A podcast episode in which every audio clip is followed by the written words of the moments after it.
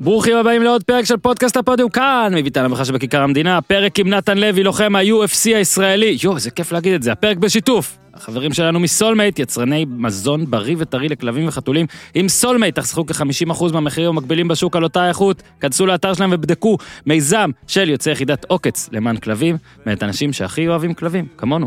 לסולמייט מערך משלוחים נהדר, שיעזור לכם להימנע מלצאת מהבית ולקבל את כל מה שצריך עד אליכם, באמת עם עזרה, אדיבה, הכל, סיפרתי לכם כבר על הנציגים שלהם בטלפון. כל כך כיף לי להזמין מהם. המזון מיוצר בהולנד ובגרמניה תחת התקנים הכי מחמירים בעולם. בקיצור, תתקשרו.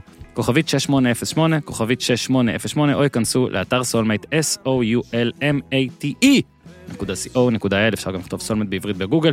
ביחרו את המוצרים שלכם, מזון, אמפולות, חטיפים, על כל זה יש לכם מאזיני הפודיום, הנחה של חמישה אחוז, הקישו קוד קופון פוד, P-O-D, קוד קופון פוד. כדי לקבל את ההנחה.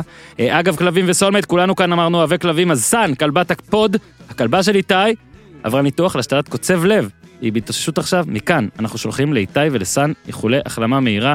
שובי אלינו לאולפן אה, לרבוץ על השטיח ולהיראות כמו שטיח, יא כפרה. אה, אז איתי, באמת, תמסור לה.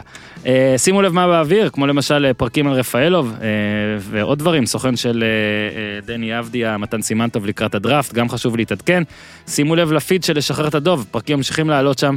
אה, אתם מחמיאים מאוד לפרק אה, 10 עם... אה, בוא נגיד נעמי לבוב פרק שפשוט אה, פירק אתכם, אה, כולל את אה, אימא שלי ואת אח שלי, שמשום מה מתחילים לאהוב את ה- לשחרר את הדוב יותר מהפודקאסט שלי, אז בסדר, גם איתכם נבוא חשבון. שבוע גורלי, הרבה דברים להרבה ספורטאים ועוד אה, נחמדים מחכים לנו השבוע. יאללה, נתן לוי, צריך להיזהר איתי, אני הולך להגיד תן בראש, אבל נתן לוי זה לא בשבילך, אוקיי? איתי תן בראש! כן אבל זה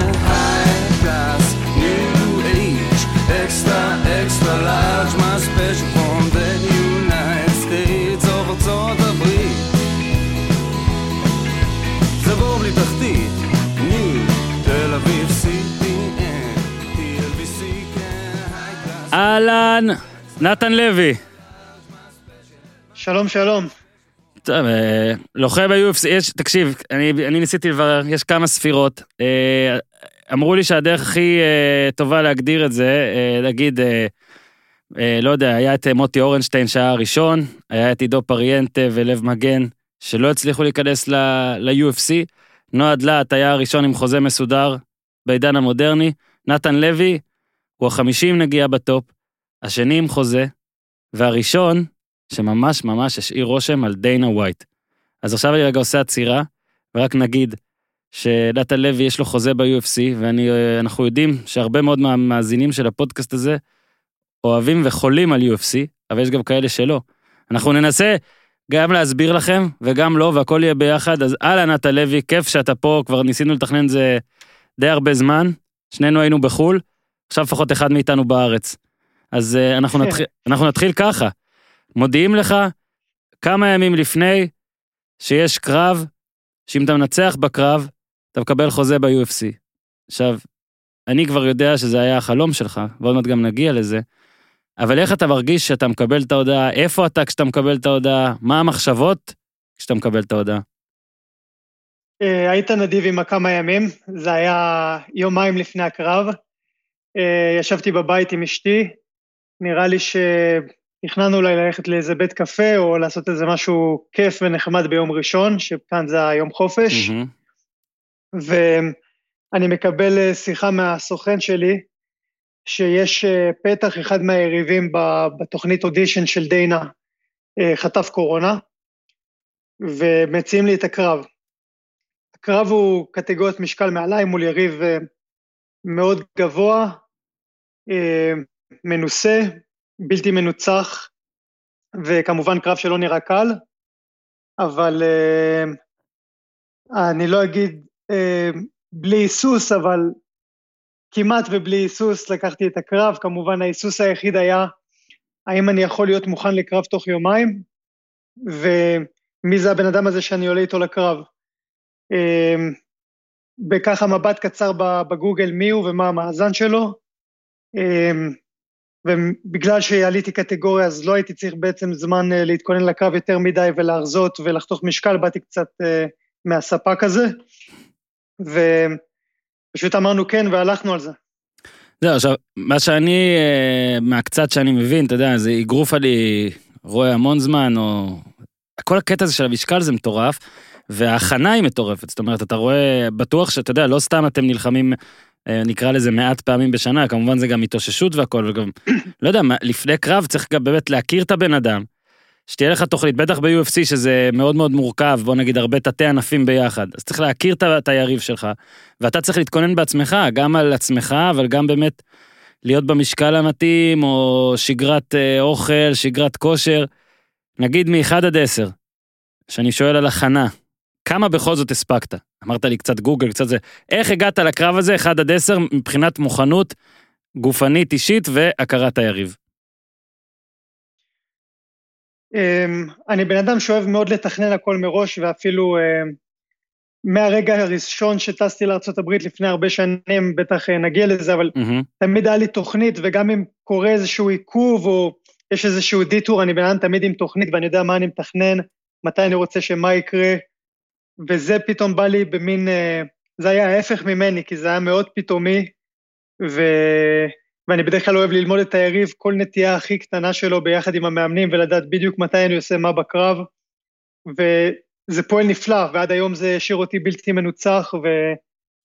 ושוב, יש סיבה למה אני עושה ככה את הדברים. אבל זה היה פשוט אה, הרגע הזה שבו צריך לשחרר טיפה את, האחיזה ולהגיד, אה, יאללה, פשוט כן, יש פה הזדמנות ומה שיהיה יהיה. והרגשתי מוכן פיזית, אני תמיד בכושר, אני מתאמן שלוש פעמים ביום, אה, גם כשאין לי קרב, ו... וזה לא הבעיה. כשאני אומר מהספה, אני מתכוון טיפה יותר, אה, כמו שאמרתי, כאילו לא, לא התכוננתי לקרב, תכננתי ללכת לבית קפה. מהמם. דבר הבא שאני יודע, אני מאשר את הקרב, ומתחיל אה, לחתוך משקל, כדי להגיע לשקילות למחרת במשקל המתאים, ו... ואז בעצם רק ביממה האחרונה בקושי קצת הסתכלתי על קרבות שלו וניסיתי קצת ללמוד אותו, אבל באמת בשלב הזה, כשאתה לומד יריב, זה לא רק לדעת מה הוא עושה, אלא צריך גם לתרגל את זה מהמם. באימונים, להכניס את זה לזיכרון שריר.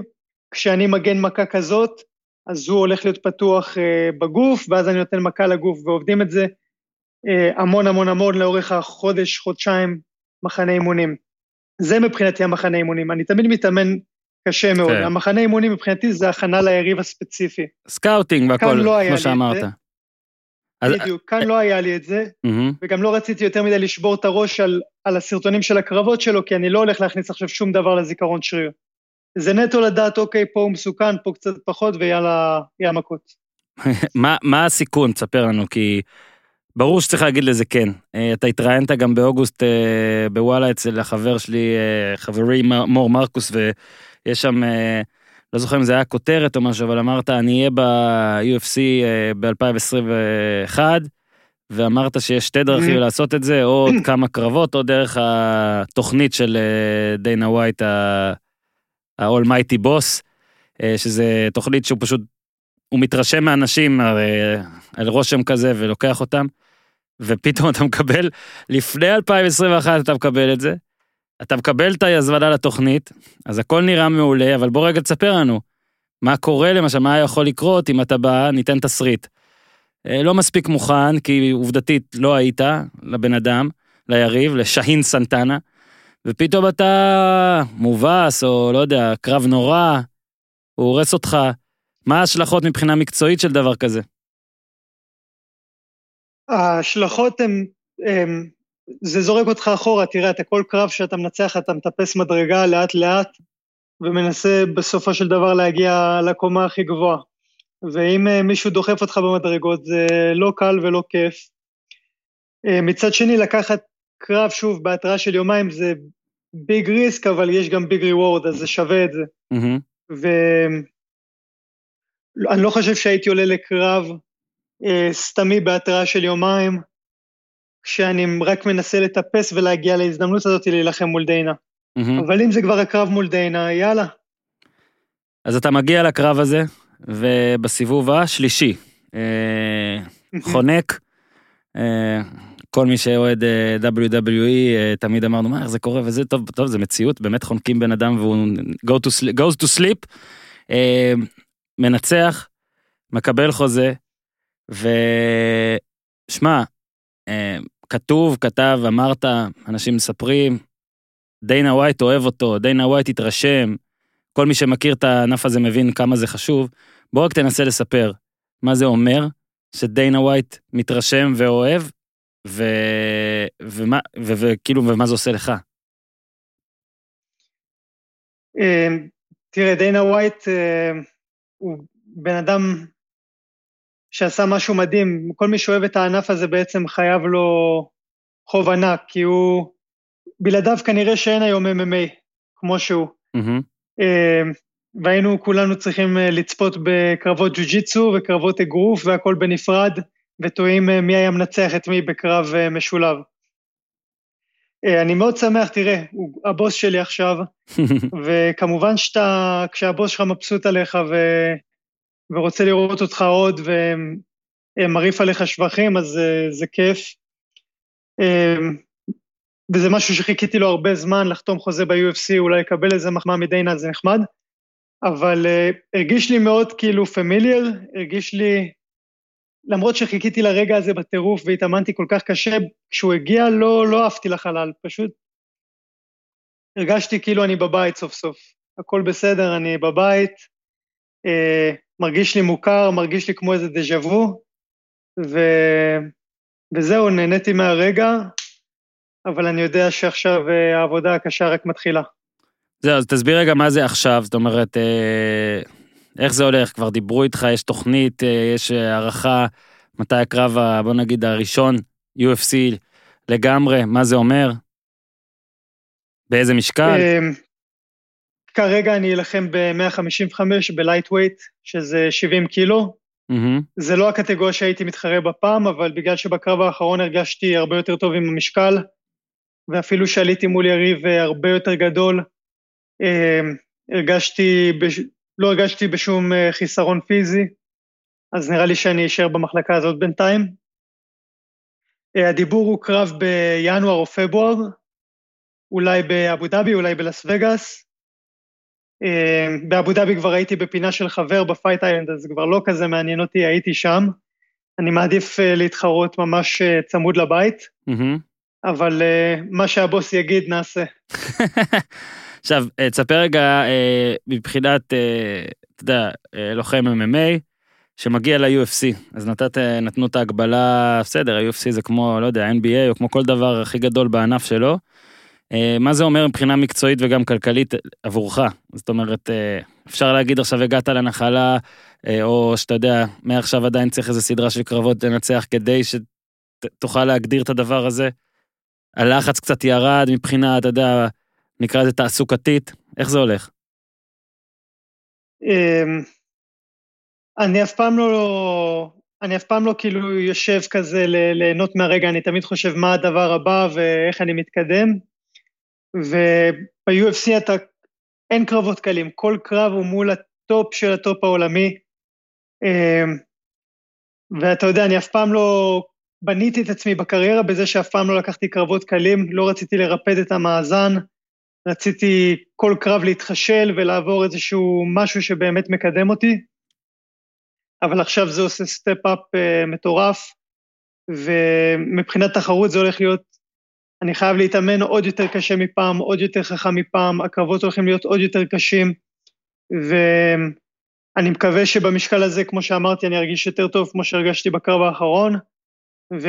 וזה יעזור לי. מבחינה כלכלית, תראה, עד עכשיו אה, בכנות אה, הרווחתי די גרושים, אבל אה, אתה יודע, בחיים לא עשיתי את זה בשביל הכסף, הייתי מתחרה גם חובבני בחינם לגמרי, והייתי משלם הרבה מאוד כסף כדי לטוס לארצות הברית ולהתאמן אצל הטובים ביותר ולהתחרות נגד הטובים ביותר בחובבני. במקצועני זה שזרקו לי כמה דולרים בנוסף זה לא כזה שינה את המצב. ועכשיו ב-UFC יש חלון הזדמנויות כן לעשות כסף.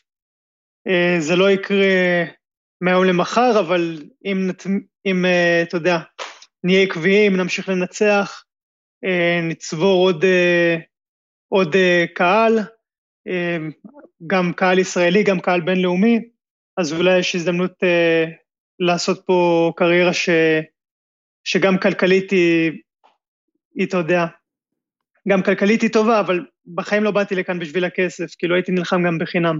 טוב, זה הכי טוב, לא? אומרים שאם אתה עובד במקום שהיית עובד גם בחינם, אז אה, זה הכי, אם אתה, זה הכי הכי אה, הכי הכי טוב. שמע, בואו נחזור אחורה, כי חשוב להסביר, אז הנה אנחנו מדברים עכשיו ב-2020, והשגת חוזה ב-UFC. אגב, אה, יש גם דברים, סליחה, כן, יש גם דברים טובים בקורונה, נתנו לך את הצ'אנס הזה להתחרות כבר עכשיו. כן, כנראה היית מקבל אותו, כן. אבל הנה, קיבלת אותו עכשיו. אה, אז תודה ללוחם שזה, ואני מקווה שהוא מרגיש טוב עכשיו ושעבר לו הכל, ושהוא רק היה חיובי אבל לא חולה, ותודה שנתן כן. לנו את המקום אה, לעוד ישראלי ב-UFC. בוא תספר קצת על, על, לא יודע, על, הרגע, על הרגעים הראשונים שאתה בכלל מחליט להיכנס לענף הזה, לדבר הזה, הרי זה קרה אצלך במין איחור מסוים. אה, כן, אני הייתי עושה קראטה הרבה שנים, ואני סוג של תמיד כזה מתחיל את הדברים מאוחר מדי, ו, וקצת late bloomer כזה, ואיפה שכולם מתחילים אה, קראטה בגיל חמש, אז אני התחלתי בגיל 15, וקרבות שאנשים מתחילים בדרך כלל אה, בגילאי הטינג'רים, אז אני התחלתי קרב חובבני ראשון בגיל 24, וקרב מקצועני בגיל ראשון 26, ובעצם הכל התחיל כשהייתי בן אה, 22 והייתי כבר מורה לקראטה, הייתי דן שלוש, ומאוד אהבתי לצפות ב-MMA, זה היה מרתק אותי. והיו איזה מחשבות בראש אה, להתחרות, אבל בתכלס אמרתי כאילו, אתה יודע, חשבתי שזהו, אני עושה קראטה, ויש אנשים שעושים MMA, אני אצפה בהם, ו... וככה העולם יישאר. אבל uh, קיבלתי פנייה להשתתף באיזה תוכנית uh, ריאליטי של MMA, מהמם. ומיד נדלקתי ואמרתי, כן, אני, אני אשמח. התחלתי להתאמן לזה, הייתי מתאמן עם חבר שעושה ג'ודו, והיינו עושים קצת אה, ריתוקים על הקרקע ו, ומתגלגלים, מה שנקרא. ובסוף התוכנית הזאת אף פעם לא יצאה לפועל, אבל אני כבר אה, החלטתי שזהו, זה משהו שאני חייב לעשות. וכמו כל דבר שאני עושה, אני מאוד טוטאלי ואני מאוד קיצוני, וכשעשיתי קראטה נסעתי ליפן, והשקעתי בזה את כל החיים ואת כל הימים שלי, ו... ועשיתי המון הקרבות כדי להיות הכי טוב שאני רק יכול. וברגע שהחלטתי שאני עובר ל-MMA, זה היה אותו דבר, זה היה לעזוב הכל, לטוס לווגאס, אה, להתאמן עם הטובים ביותר, להתחרות עם הטובים ביותר, ולנסות לקחת את זה הכי רחוק שרק אפשר. זהו, צריך להסביר רגע פה גם, גם מקצועית ואחרי זה גם מקצועית הרי אמרת זה, זה כמה ענפים שמתאגדים בתוך ענף אחד. אז אתה באת מעולם מסוים שהקראטה. נכון. אה, איך, איך אתה הצלחת או כמה זמן זה לקח כדי שתוכל בכלל להרגיש שאתה כשיר בעוד, נקרא לזה תתי ענפים או בעוד אה, מקצועות או בעוד סגנונות, סליחה לאוהדי ה-UFC העכברים, שאני פה מדבר במילים בטח אה, לא הגיוניות. אמ, לקח זמן, תראה, אני, היה לי ויזת אה, תייר, והייתי יכול להיכנס לארה"ב כל פעם שלושה חודשים. אז הייתי אה, טס לשלושה חודשים, אה, מתאמן, חוזר לארץ, וכל פעם שהייתי טס להתאמן הייתי אומר למאמן שלי, אני, אני רוצה קרב. והוא אמר לי, אתה לא מוכן. אה, ואז חזרתי לארץ, זה אומר חצי שנה עכשיו שאני לא מתאמן ב-MMA, ועובד באבטחה ובכל מיני דברים כדי, אתה יודע, לחסוך כסף, מהמם. ואני טס עוד פעם. טס עוד פעם לשלושה חודשים, אבל זה כבר שנה שלמה שעברה. עוד לא מוכן. חוזר פעם שלישית, ככה עד שהייתי מוכן, וגם אז התחילו לי ביטולי קרבות, ודברים כאלה, אבל בגדול לקח לי מהרגע שהתחלתי להתאמן, שנתיים וחצי עד לקרב החובבני הראשון. אה, אני כמובן, כמו, אתה יודע, רוב בני אדם שהם אה, חסרי מודעות, חשבתי שאני אטוס לווגאס וצ'יק צ'אק אה, ילמד קרקע ויתחיל לעשות קרבות MMA, אבל זה לא המציאות, ובמציאות הייתי צריך לתת אה, המון עבודה בשביל אה, להגיע למצב שאני בכלל יכול להתחרות מול חבר'ה חובבנים קודם כל. כן, אתה, יודע, באמת מעניין אותי כל כך, אתה בן 29. אה, זה, אגב, נראה צעיר, מדבר בקול צעיר, אז זה הפתיע אותי, אבל צריך באמת לספר על ה... זה לא שאתה עכשיו, אתה יודע, בן 18-19, בום, מגשיב איזה חלום. אתה מדבר על עבודות שהיית צריך לעשות, קראתי גם בנוסף שבאמת בתחום, כדי בכלל אה, את- לכלכל את עצמך והכל. אתה יודע, זה- תספר רגע על הדרך, על נגיד, אה, אמרת בא, חוזר, בא, חוזר, היו רגעים שהיית קרוב להתייאש, או איך בכלל, סתם לדוגמה, הנה, תספר לי, לגמרי. אתה עובר, אתה עובר אפילו לווגאס בשביל זה, כן? אתה עובר לגור בלס וגאס בשביל זה, זה נראה כאילו וואלה סבבה עובר לווגאס, אבל צריך לשלם את הדירה בווגאס, ואפילו אתה יודע טיסות ולהתקיים שם, אה, במקביל לזה שכמו שאתה אומר, אתה הולך ונלחם בחינם, ופשוט משלם על, ה, על הדבר הזה. איך בכלל שורדים? אה, תראה, יש הרבה דברים כאלה, נגיד, שעברתי, טסתי לפני שבע שנים בפעם הראשונה, אבל הייתי ארבע שנים על הקו. ורק לפני שלוש שנים באמת עברתי לגור כאן, והביקורים הם נהיו, אני גר כאן ואני מבקר בארץ, ולא להפך. אמ-המ. אז אתה יודע, הרבה פעמים בכל מיני ראיונות או דברים כאלה מקצרים ואומרים לפני שבע שנים, אבל השבע שנים האלה הם לא פשוט, באתי לפני שבע שנים וטסתי והיה לי סבבה, קיבלתי ככה green card בכניסה לארה"ב ונתנו לי להיכנס. זה ממש לא היה ככה, אז באמת הייתי צריך כל הזמן לצאת. אמ, המאמן קראטה שהיה לי, אה, אמר לי לבחור בין אה, קראטה ל-MMA, אה, כי מבחינתו לא היה מקובל שאני אעשה גם וגם. ואני בחרתי MMA, וזה אומר שלמרות שהיו לי מכוני קראטה מצליחים, כשחזרתי לארץ אחרי הטיסה הראשונה לארצות הברית, כבר לא היו לי מתאמנים, וכבר לא עשיתי שיעורים פרטיים ואת כל הדברים האלה, ונאלצתי ממצב שהייתי חי בארץ אה, חיים טובים, והייתי עושה כסף טוב כבחור צעיר, כי היה לי ידע טוב בקראטה, שהשקעתי הרבה שנים אה, בללמוד אותו, והעברתי אותו הלאה, ונתתי לילדים ול... נוער אה, ביטחון עצמי ועזרתי לחזק אותם והרגשתי עבודה מתגמלת מאוד. למרות שעזבתי את כל זה וטסתי לארה"ב להגשים את החלום שלי, כשהמציאות הכתה בי שנגמר לי הכסף, נגמר לי הוויזה ואני חייב לחזור הביתה, אה, כל זה כבר לא חיכה לי והייתי צריך לעבוד אה, באבטחה במשך שעות רבות כדי להרוויח חלקיק ממה שהייתי מרוויח לפני זה מהעבודה שאני נהנה בה. ופתאום זה לעבוד באבטחה כל היום וכל הלילה, בקושי למצוא זמן להתאמן. אה, אתה יודע, לעבוד ב, בחורף באיזה בוטקה שיורד עליך גשם בטירוף וסופה בחוץ, ואתה יושב קופא בבוטקה ואומר, וואלה, אני עושה את זה בשביל איזשהו חלום הזוי להיות אלוף עולם יום אחד ב-MMA. אולי אני סתם טמבל ואני, אני, כדאי לי כאילו ללכת, אה, אתה יודע, להתנצל בפני המורה ולקחת את התלמידים בחזרה ולחזור לחיים הנוחים שהיו לי לפני, אה, ולמזלי לא, לא עשיתי את זה.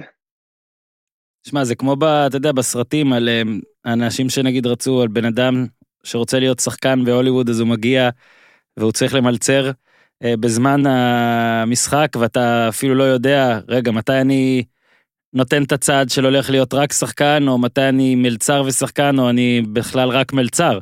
היה פה, אה, היה פה הסוכן אה, כדורגל אה, אוהד כהן שסיפר שהוא גם בירמן בזמן שהוא רק התחיל, ואז ראה פה איזה, ראה חבר מהעולם של הכדורגל, וכזה כאילו התבייש שהחבר רואה אותו ממלצר, מברמן, מברמן. סליחה, ואז, אז בוא רגע, שמע, אני, אני פשוט עכשיו מדמיין אותך באבטחה וזה זה כמו רגע בסרט באמת של 40 דקות לתוך הסרט אה, נגיד משהו לא הולך בקרבות אתה באבטחה וחושב האם החלום הזה מספיק האם אני מטורף בכלל האם אני זה וזה עכשיו שאומרים את זה כן. שמע זה מלא השראה. לכל הילדים יש, חלום, לכל הילדים יש חלומות, אתה יודע, אבל הגיע הזמן להתעורר מתישהו. ובמיוחד כשאתה נהיה בוגר, שוב, לא, לא רדפתי אחרי החלום הזה בגיל אה, 14, רדפתי קצת יותר מאוחר, כן. ואתה כבר, יש לך חברים שמתחתנים, ויש לך חברים ש... אתה יודע, אתה רואה שהם מסיימים את התואר ואתה יושב בבודקה, חולם על ה-UFC. עדיין מהמר מהמר אה, מהמר על עצמך עדיין. כן, וגם, אמ, אתה יודע, היה לי, כאילו, אני נסעתי להיות אה, לוחם, וגם מהפעם הראשונה שאמרתי, לא יצאתי בהצהרות גדולות, אני לא בן אדם כזה, אבל היה לי איזשהו חלום ולא היה לי, לא הפריע לי להגיד אותו בקול רם, כאילו, כן, אני רוצה להיות לוחם MMA. עכשיו, כמו שאמרתי לך, אה, גם המאמנים שלי לא מיד נתנו לי לעלות לקרב, כי הם לא רצו שאני אחטוף מכות ו... ושם תיגמר הקריירה. אמ, וגם, אה, וגם היו כל מיני ביטולים של קרבות. תחשוב שמגיע מצב שאני חוזר לארץ כבר בפעם החמישית, או מה שזה לא יהיה אחרי שנתיים, מהמם. ואנשים אומרים לי, מה, נתן, חשבתי שאתה נוסע להיות אה, לוחם. ואני, אתה יודע, לא, כן, כן, אני פשוט אה, התבטל לי הקרב, אבל אני חוזר לשם עוד חודשיים, והפעם אני נלחם. ואנשים כאילו, אה, כן, בסדר. אה, כן, כבר לא נעים כאילו להגיד, ש- הוא כן, הוא חי בסרט, הוא יקבל את ה- את ההזדמנות כן. בסרט הזה. רגע, אבל מה, קרבות מתבטלים, על מה? אה, תראה, יכול להיות לזה הרבה סיבות. אחת המרכזיות, היו המון המון המון ביטולים. אה, אחת הסיבות נראה לי שהיה לי איזה עשר אלף עוקבים באינסטגרם, כי הייתי אמ-המ. מעלה סרטונים של קראטה, אמ-המ. ואתה יודע, כשאתה לוחם 0-0, מנסים לצוות אותך 0-0, כלומר המאזן, 0 כן. ניצחונות, 0 הפסדים, אתה blank page. אתה יכול להיות סתם אה, מישהו שהולך לקבל מכות כל הקריירה, ול- ולוחמים אחרים הולכים להיבנות אה, על גבו, אמ-המ. או אתה יכול להיות הג'ון ג'ונס הבא והג'ורג' סן פייר הבא, אמ-המ.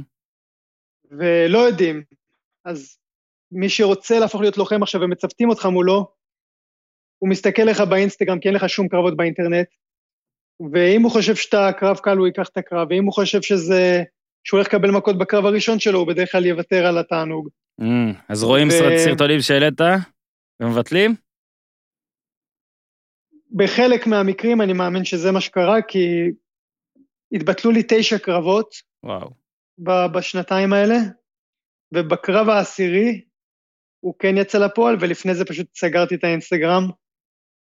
קיבלתי את היריב, וביום שנלחמתי איתו פתחתי את האינסטגרם שוב. גדול. תשמע, זה כמו חגיגה בסנוקר, ש... כן, חייב לשחק אותה פראייר. היית צריך לעלות לאינסטגרם כאלה דברים שאני מרביץ לך, משהו כזה, שאחד כמוני מנצח אותך והכל, ואז היו לוקחים, תשמע, בדיוק. שמע, זה ממש ממש ממש ממש מגניב, מה שאמרת עכשיו, שהיית צריך לסגור את האינסטגרם כדי שמישהו בכלל אה, אה, ירצה להילחם. ואז בוא תספר רגע באמת על הקרב הראשון, שאמרת, כאילו, באמת זה מאוד מאוד חשוב אם אתה ב-1-0 כן. או ב-0-1. לגמרי. אה, וואו, הקרב הראשון זה באמת רגע אפי בחיים שלי. זה רגע שחיכיתי לו כל כך הרבה זמן שלא האמנתי, אתה יודע, לא האמנתי פשוט שהוא קורה, כאילו כבר הרגשתי כאילו אני במטריקס, הרגשתי כאילו כל העולם נגדי ואני פשוט בחיים לא, לא אדרך בזירה, שזה משהו שאולי, אתה יודע, רק לאנשים סביבי יכול לקרות, אבל אני זה בחיים לא יקרה לי. ולמרות שחשבתי ככה, המשכתי לטוס לארצות הברית שוב ושוב, אה, עד שזה קרה, ונכנסתי לזירה מול אה, לוחם אה, מקסיקני, אמריקאי, אה, חייל לשעבר. באמת הרגשה מטורפת, כאילו עכשיו הולכים לנעול אותך בתוך הכלוב הזה להילחם, אני לא מאמין שזה באמת קורה. פיק ברכיים מטורף, אתה... יצא לך פעם לראות ב-UFC הרבה פעמים אנשים הולכים לכלוב כזה על ארבע, הם כאילו מטפסים את המדרגות על הידיים והרגליים, מהמם. אז זה בגלל שאתה מרגיש אה, כל כך כבד ברגעים האלה שקשה לך לעלות את המדרגות כמו בן אדם רגיל. וואלה. אז אה, אנשים נותנים לזה טוויסט ועולים כמו תנינים וזה, אבל אני יודע, הם, עליי הם לא עובדים. אז uh, נכנס לזירה, מתחילים uh, ללכת מכות, ותוך uh, 50 שניות, משהו כזה, אני תופס את היריב בגיליוטינה, בחניקה uh, מקדימה, ופשוט הוא מתעלף לי בידיים, אני משחרר, ורגע של אושר טהור כזה, שכאילו פאקינג עשיתי את זה. שמע, אנשים כמוני, כן? נקרא להם רגילים. המשפט שאמרת עכשיו הוא אדיר, שאתה אומר, אה, הוא התעלף לי בידיים, רגע של, רגע של אושר. יודע, בוא רואה, הנה, אמרתי לך כבר קודם, לפני השיחה, שהולכות להיות שאלות, אה, אני, קורא, אני קורא להם, כן, שאלות טמטום שלי, כן? אני בטוח שמעניינות הרבה אנשים והרבה אנשים מתים לשאול אין, אותם. אין בסדר. שאלות מטומטמות, יש רק אנשים מטומטמים. אז סבבה, טוב מאוד. גרמת לאיתי לצחוק. אתה הראשון שגורם לאיתי לצחוק. בוא'נה איתי, תחתוך את הקטע הזה. בקיצור, איש מטומטם שואל שאלה מטומטמת מספר אחד. אתה גורם לבן אדם להתעלף. האם כן. יש קונפליקט בראש שלך של אה, להיזהר עליו גם קצת? עכשיו אני שואל את זה, שוב, אנחנו לא תמימים, כן? המקצוע פה הוא לפרק אותו, אבל כן גם עם כבוד כן. ועם דברים, עם זה. פשוט אנחנו שרגיל, אנחנו, אני נגיד, שרגיל אה, לסקר הרבה ענפי ספורט ולאהוב הרבה ענפי ספורט, זה תמיד, אתה יודע, זה רובם, כן? כדור, לקלוע, למסור, לבעוט, אה, אתה יודע, דברים כאלה, שיש שם אלימות גם. וצריך להיות אגרסיבי, אבל תמיד המטרה שלך היא לעשות משהו אחר מלהיות אגרסיבי, יש מטרת העל, נגיד בכדורגל, להבקיע גול ודברים כאלה. אצלך כן. מטרת העל בקרב הזה הייתה לגרום, אם נגיד, אה, לא יודע אם זה היה מרקוס סימס או מי שהיה הראשון, לגרום לו להתעלף. הוא מתעלף לך בידיים, ויש לך אושר עילאי. יש בך גם טיפה את ההרגשה של, רגע, רק בוא נבדוק, בוא נבדוק שהוא מתעורר מזה. אז זהו, אז אה, קודם כל... תתכונן, הולכות להיות הרבה שאלות כאלה, נתן, תמשיך. ואחר כך, אה רגע, בוא נבדוק אם הוא בסדר. אה, כן, תראה, גם בסופו של דבר חניקה, גם אני התעלפתי מחניקות בעבר באימונים. זה, אל תנסו את זה בבית, אבל כשמקצוענים עושים את זה, זה, זה לא באמת עושה נזק משמעותי. אה, המוח, אה, הבן אדם פשוט מתעלף כי האספקת חמצן לא, לא מגיעה לו למוח והוא מתעלף. לא קורה שם כלום. רק אם ממשיכים לחנוק, אחרי שהבן אדם מתעלף, תאי מוח מתחילים למות, ותאי מוח לא חוזרים, מהמם. לא חוזרים אחר כך.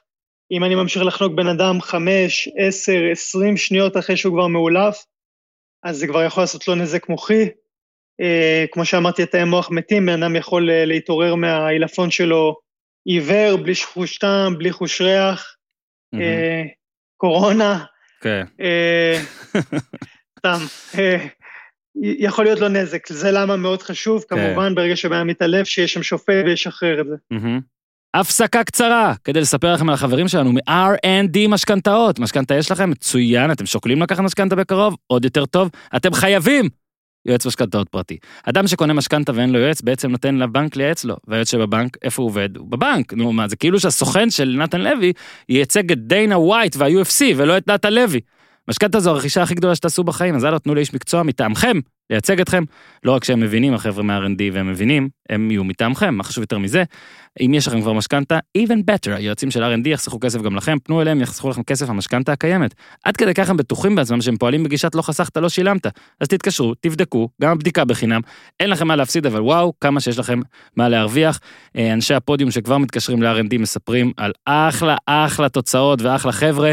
בואו נגיד את האמת, זו תקופה מורכבת, קשה להרוויח כסף, אבל לחסוך מאות אלפי שקלים זה הרווח הכי טוב שיש. אז יאללה, למה אתם מחכים? צרו קשר ב-077 270 6878 077 270 6878 הם גם הקימו דף נחיתה עבורכם.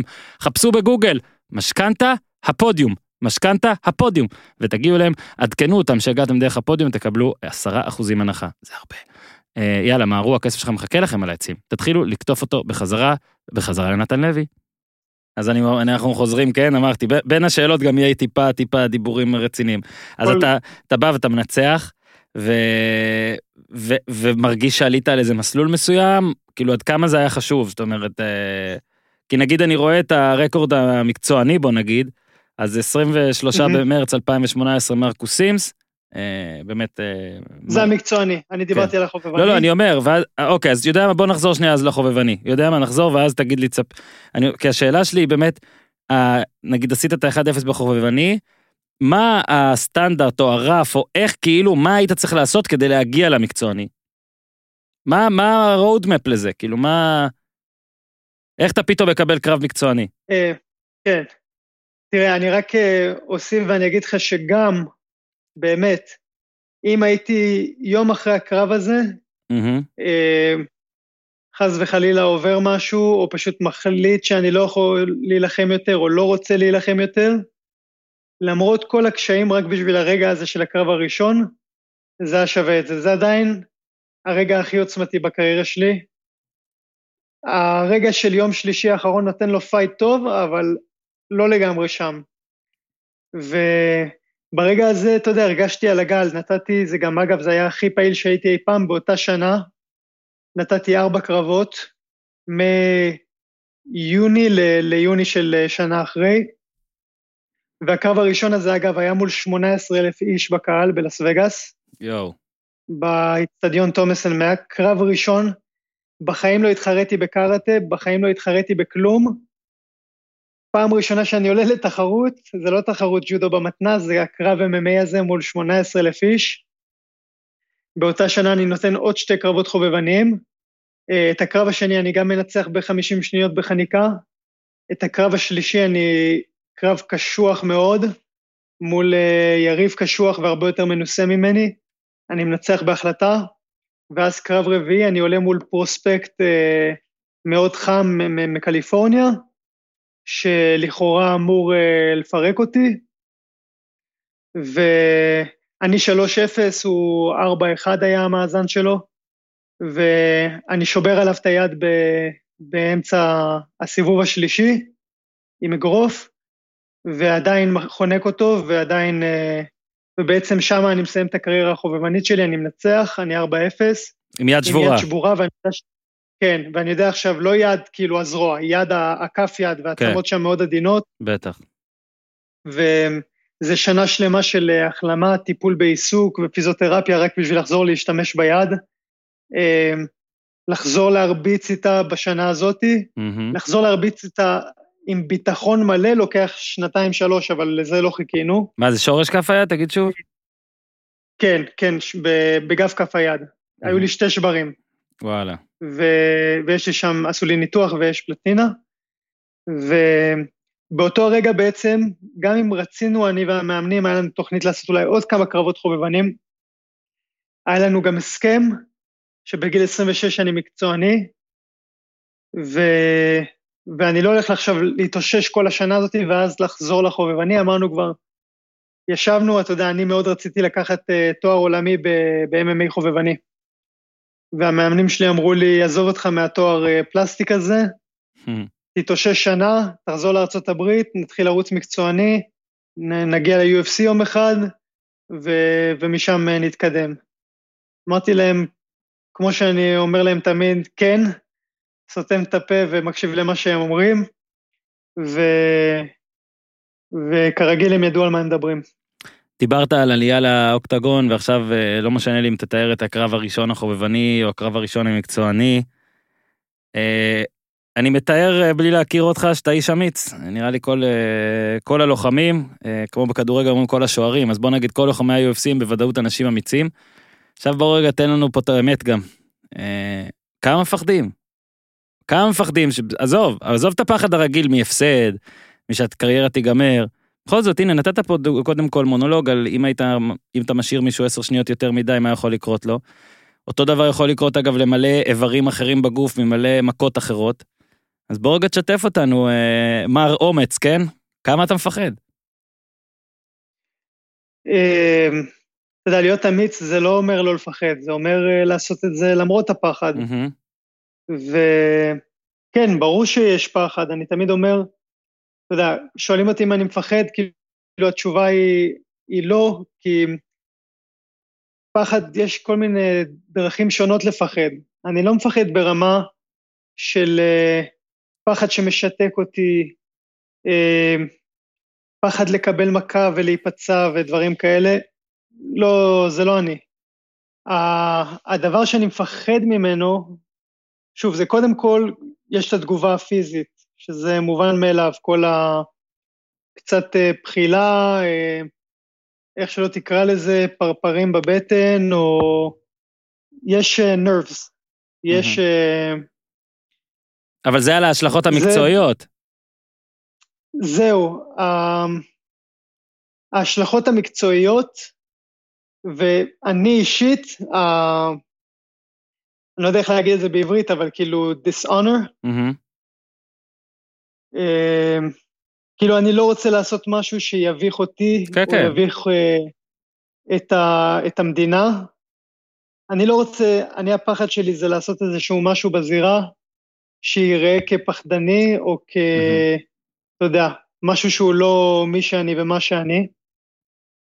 זה הרבה יותר מפחיד אותי מ- מלקבל איזה מכה או משהו כזה. אני, אני כמובן שרוצה לנצח ואני רוצה להתקדם בקריירה, אבל גם אם תגיד לי ששומע, נתן, אתה לוקח עכשיו את הקרב הזה והזה, יכול להיות שיקרה לך ככה וככה, בסדר, אבל הרבה יותר, אה, שוב, הרבה יותר כאילו, אני הרבה יותר חושש אה, מלהפסיד בגלל ההשלכות כן. המקצועיות, או, או כמו שאמרתי, לעשות איזשהו משהו ש, שלא ייראה טוב. בוא נגיד, אתה לא מהילדים האלה שבבית ספר היו אומרים להם, תקשיב, בוא תחכה אחרי השיעור פה ופה, אז את כל השיעור, ה-20 דקות שנותרו, היית מעביר בפחד אימים ממה יקרה בם בהפסקה, כשתיפגש לדו-קרב הזה.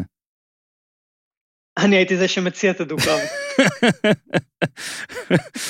וואו, אה, נראה לי- נראה לי ביסודי היית מפרק אותי ככה אה, טוב טוב. אז אה, שמע, ואז, אה, אני- הנה, אני אתן לך דוגמה, אני אתן לך דוגמה, גם אני משוויץ, שעשיתי שיעורי בית, ואז אתה תתלהב ממני אה, והכל. אתמול צפיתי בכמה קרבות עם אה, המשתמש ט', אחד השותפים פה בפודקאסט, אחד ה... אה, נראה לי זה היה בן לוגו? תגיד שרק רק תאשר שאני אומר את השם נכון, בן לוגו. כן, לגמרי, כן. אתה נלחם בבן... כן, אתה נלחם נגד בן לוגו, תראה איזה scouting עשיתי, ראיתי את כל הקרב. סיבוב ראשון, סבבה. עברת, אפשר להגיד, ניצחת אותו, ניצחת אותו. סיבוב שני, אם לא הייתי יודע שהמאזן שלך מושלם, אוקיי? הייתי באמצע הסיבוב שלי אומר, תשמע, טוב, התפרק פה. פירקו, פירקו, פירקו את נתן. זה היה נראה רע. אה, שוב, אני לא מומחה, כן? זה היה נראה רע. אה, זה היה נראה רע מאוד. היו שתי דקות שם, שאני אמרתי, ואני ראיתי כמה קרבות, בטח הרבה קרבות באגרוף, שאמרתי, טוב, צריך להפסיק את זה. ואולי אפילו שופט אחר, אולי, בוא רגע, גם על זה תענה, האם, האם, לא יודע, זה היה קרוב ללהפסיק לדעתך, שופט יפסיק את זה או משהו כזה. לגמרי. תראה, אם אה, השופט היה מפסיק את זה, לא הייתי יכול להתלונן. בוא רגע, לפני אבל ה... אני- שנייה, ואני שנייה, עדיין לפני... הייתי בקרב מבחינתי. זהו, אז, אבל לפני הקטע של לא הקו, הייתי יכול להתלונן, אבל אני אני רציתי להמשיך להילחם עד הרגע האחרון. יש רגע שם, שאחרי שאתה חוטף הרבה הרבה מכות, אתה קם, נעמד, ואז זה הרגע שהכי הפחיד אותי מבחינתך, נראה שאתה לא שם. עכשיו, אותי מסקרן לדעת, הרי שוב, זה, בוא נגיד גם את האמת, חשוב להגיד, זה לא רק מכות, זה כל כך חכם וצריך המון אינטליגנציה, ולדעת אם הוא עושה ככה, לאן הוא, לאן הוא פתוח, ואם הוא עושה ככה, ולפעמים אולי להקריב, לתת לו לפגוע בך כדי שהוא יחשוף את עצמו. נכון. בדקה הזאת שמפרקים אותך, מה עובר בראש, אם בכלל? אה, תקום. קום על הרגליים, תכניס לו, כאילו, לא... וזה אגב, ככל שאתה עושה יותר קרבות, אה, אתה מגלה יותר מי אתה, כי, אתה יודע, כולם יכולים אה, לשחק אותה ו- וללכת, אה, אתה יודע, אה, גאים, ו... אבל עד שאתה לא בזירה ועד שאתה לא... עד שאתה לא מקבל את המכות ורואים ממה אתה עשוי, האם אתה קם וממשיך להילחם, או האם אתה נסגר כמתקפל לכדור ונותן לשופט לעצור את זה. וזה נגיד משהו שכשאני אומר שהייתי מפחד uh, לעשות בקרב, זה מה שאני מתכוון. ואתה יודע, עד שאתה לא... עד שאתה לא רואה את ה... אומרים עד שאתה לא רואה את השריפה ו... ורץ אליה באמת, אתה לא יכול לדעת אם אתה נועדת להיות כבאי. מהמם. אז uh, אותו דבר כאן, כאילו, זה, זה הוכיח מבחינתי שברור שאני תמיד האמנתי שאני לוחם, ושלא משנה מה יקרה בזירה, אני ארצה להמשיך להילחם, אבל עד שזה לא קורה, אתה, אתה לא יכול באמת לדעת, זה הכל uh, תיאוריות בראש שלך. ובקרב הזה, שכמעט קיבלתי נוקאוט בסיבוב השני כמה פעמים, ואתה יודע, איבדתי זמן מהסיבוב הזה, יש קטעים מה, מהסיבוב הזה שאני לא זוכר בכלל, ואני רואה פלאש שחור ופתאום אני מוצא את עצמי בנקודה אחרת בכלל בקרב, ו... ומקבל מכות, ולמרות הכל, לא חשבתי לרגע באמת, אה, אתה יודע, לא היה, לי, לא היה לי אפילו איזה סיפור רוקי, איזה מונולוג פנימי של אה, יאללה, ומוטיבציה וזה, לא, זה היה פשוט קום ותחזיר לו, ו... וזה מה שעשיתי. אה, ניתן פה ספוילר, עשית וניצחת, שופט אחד אמר שזה היה נכון. תיקו, שני שופטים נתנו לך את זה בהכרעה טוב, majority decision, ו... אה, אתה יודע, זה שמשתמש טט שראיתי איתו, אמר בדיוק את מה שאתה אומר עכשיו. אני אמרתי, אה, אתה לא פותח, אתה לא פותח, אה, בוא נפתח, בוא נראה קרבות שהוא, שהוא הרס מישהו, שהוא השמיד מישהו, הוא אומר, לא, זה הקרב, זה הקרב שהכי מרשים אותי. כי איך שהוא התאושש מהסיבוב השני הזה, עזוב את זה שהוא גם ניצח בסוף, אבל איך שהוא נראה, איך שהוא התמודד. אה, ואז באמת מתחיל נגיד סיבוב שלישי. זה מה שמסקרן אותי, נגיד יש שם את הקטע בסוף הסיבוב השני, שרואים שאתה, שאתה כבר יוצא מזה, זאת אומרת, חטפת את המכות, אה, הוא הרס אותך שם, אבל הוא לא ניצח. ושאתה מבין את זה, ושאתה בורג, זה רגע מעניין, זה רגע שאתה ממשיך קצת לחטוף, אבל רואים שאתה אומר, אני עכשיו, רגע, אני עכשיו במוד של... אה, אני מחזיר לעצמי את הניקוד, אני מחזיר לעצמי את החיות. אה, שוב, בריאיון אה, קראת לזה אולי מד החיים, שזה, אתה יודע, כמו מכות, כמו איזה מורטל קומבט או משהו, יורד, כן. וכשזה יורד לגמרי, אז כן. אה, קוראים אותך. בוא רגע תספר איך לאט לאט המד החיים הזה מתאושש, למרות שאתה חוטף מכות בו זמנית. אה, תראה, הייתי חייב להיכנס ל-survival mode. אה, בהתחלה, אתה יודע, כשאתה במצב כזה קשה, המטרה שלך היא לא בהכרח אה, עכשיו לנצח, אתה קודם כל בוא נשרוד את הדקה הקרובה בלי לי לקבל נוקאוט, ולאט לאט נתאושש, וזה, וזה גם משהו שאתה עובד עליו הרבה באימונים. גם כשאתה מאוד עייף, אתה ממשיך לעבוד וממשיך לחתור למגע וממשיך ממשיך להתקדם בפוזיציות, גם לפעמים בלי להרביץ. ואני הרגשתי בסיבוב השני, אמ, קודם כל הכניסה ל, לרגליים שעשיתי לו בשביל להפיל אותו כן. כש, שהוא היה עליי לגמרי ו, ולא עזב אותי, זה משהו שהתאמנו עליו הרבה, וזה רק מראה, כמו שאמרתי מקודם, עם הזיכרון שריר, שאני לא הייתי שם, אבל עשיתי את המהלך שהתאמנו עליו כל המחנה אימונים, כי ראינו שכשאני נותן מכה מסוימת, או כשיריב קודם שלו נותן מכה מסוימת, הוא חוסם מאוד גבוה, ובעצם הוא משאיר את, ה... את כל הגוף שלו ואת הרגליים אה, פנויות לתפיסה. ואז אתה בעצם נותן מכה כאילו מאוד גבוהה, אבל בעצם נכנס לו לרגליים עם הפלה של היאבקות, ושם אותו על הגב. ועבדנו על זה המון, וגם כשהייתי חצי מאולף, התרגיל הזה יצא ממני בלי, בלי מחשבה. וברגע הזה שאני עליו ואני מתחיל קצת להתאושש, אני יודע שאם אני עכשיו משתגע ומנסה להכניע אותו, אני עלול לוותר על פוזיציה, אולי הוא יקום, ימשיך להרביץ לי, ובאמת ייגמר לי, ייגמר לי המת חיים הזה, mm-hmm. וזה יהיה הסוף שלי. אז אמרתי, כרגע אני מחזיק אותו, לא נותן לו לזוז לשום מקום. אמ, אפילו כשהשופט, אה, אתה יודע, הוא לא אוהב כשיותר מדי מחזיקים בקרקע בלי להרביץ.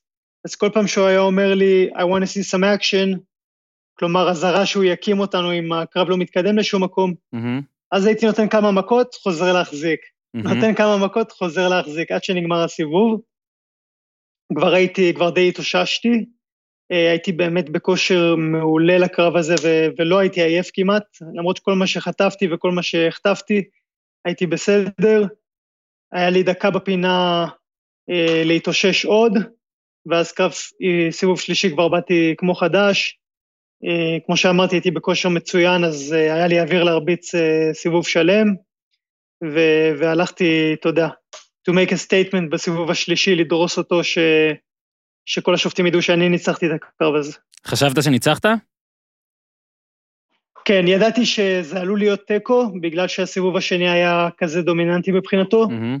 אבל uh, האמת שאני מרגיש שכאילו הוא הוביל רוב הסיבוב, נכון, ואני הייתי בצרות לגמרי, אבל uh, מהרגע שאני הורדתי אותו לקרקע ותפסתי פיקוד, שזה היה בערך שליש מהסיבוב, אני הובלתי מאוד. אז הרגשתי שגרמתי לסיבוב הזה להיות ממש uh, הרבה יותר צמוד ממה שהוא היה אמור להיות. אם היו אמורים לנקד אותו למי שמבין uh, כן. 10-8, mm-hmm. לדעתי השליטה שלי בסוף הסיבוב החזירה את זה ל-10-9, משמע אני מנצח. אה, אוקיי. כאילו, וזה גם מה שקרה אצל שניים, או, ששנ... או שהם נתנו לך 10-8, לא? או שהם נתנו לו 10-9. או שהם נתנו גם לך. הם, שופט אחד, שופט אחד נתן לו 10-8 בסיבוב הזה, ושתי השופטים האחרים אה, מסכימים עם מה שאמרתי בעצם, כן. ונתנו לו 10-9. ואז סיבוב ראשון ושלישי, אני מוביל 10-9, סיבוב שני, הוא מוביל 10-9, ולכן אני מנצח. עכשיו, כמו שאתה יודע, כמו שבאמת המשתמשת אמר, שזה הקרב שגם בחן אותך והכל, מן הסתם, עכשיו שאתה undefeated, שאתה עדיין לא הפסדת, עוד רגע שיבחן אותך, לכאורה יהיה רגע של להתאושש מהפסד. אני מאחל לך ש... שלא תצטרך, אבל אתה יודע, UFC זה לרוב לא כמו... אה, קשה לעשות מה שפלויד מייוודר עושה באגרוף. נכון. וזה, וזה בטח לא WWE, אה, וזה ענף שמפסידים בו. אה, יש מחשבות על, אה, כבר, אתה יודע, נשמע לוזרי, אבל אה, כאילו יש לך, איך מגיבים לדבר כזה? פחד מהפסד ראשון. אמ, האמת שלא, כאילו, תראה, כל קרב, לפני כל קרב אני אומר, אה, אתה יודע, אני יודע שהיום שלי להפסיד יגיע, but not today. והיום הזה יגיע וזה בסדר גמור, זה חלק מלהיות לוחם. לוחמים לא תמיד מנצחים, אבל הם תמיד נלחמים. וכשהיום הזה זה יגיע זה יהיה, בש... זה יהיה בסדר, אני כמובן שעושה כל מה שאני רק יכול כדי לדחות את הדבר הזה. כן, להיות נגיד אה, אה, חביב אה, נורמ- נורמגומדוב, זה לא, מאוד נדיר. נכון, הוא לא הפסיד, נכון? אני לא הורס פה לעצמי. מאוד נדיר, כן. לא, אתה לא הורס, אבל אה, זה לא, אתה יודע, זה משהו מדהים, ו... אבל זה לא אומר שמי שיש לו הפסד, הקריירה כן. שלו לא שווה או משהו כזה. גם הגדולים בכל הזמנים יש להם הפסדים, למוחמד עלי יש הפסדים, למייק טייסון יש הפסדים, לג'ורד סן פייר יש הפסדים. כולם מפסידים, מי שלא מפסיד לא נלחם. אם אתה לא, אה, אתה יודע, אם אתה לא ממש מנסה לו להפסיד, קשה לו להפסיד. אה, דוגמה למוחמד עלי נהדרת. אתה לא בורח מקרבות, או מחכה, אה, כמו מייוודר, לקבל את הקרבות, כל הטובים קצת אחרי השיא, או אתה יודע, בדיוק. מה שעושה עם פאקיהו למשל. יש כאלה שאומרים גם הפסדים זה קביל, העיקר שיראו בקריירה שאני הולך פה תמיד על הבן אדם הכי קשה ברגע הנתון. אה, אז נתנו את הדוגמה של אה, חביב, אני רוצה לשאול אותך, כי אתה, אה, כי אתה בתחום, אני כשאני רואה קרב שלו קשה לי פיזית. כשאני מסתכל, למה? כי נגיד אם יש את קונור למשל, שוב אני מכיר רק את ה... בוא נגיד את ה... אם אני מכיר מישהו ממש, ממש הצליח, אז טוב לך שאני מכיר אותך, אבל קונור, קונור סבבה, הבנתי שחביב הרבה יותר טוב, קונור הוא, הוא שואו, אתה מבין? אני רואה אותו ומגניב כן. לי, נחמד לי. חביב איכשהו, הוא מתיש את היריב, הרי הוא מתיש אותי גם, אני מסתכל על הקרבות שלו ואני, וקשה לי פיזית, אתה מבין, אפילו לא כואב לי, אני לא יכול לנשום. כן, אני מבין את זה. אה, תשמע, הוא משאיר את היריבים שלו כמו, אתה יודע, פשוט זרוקים בזירה בלי, בלי רצון לחיות.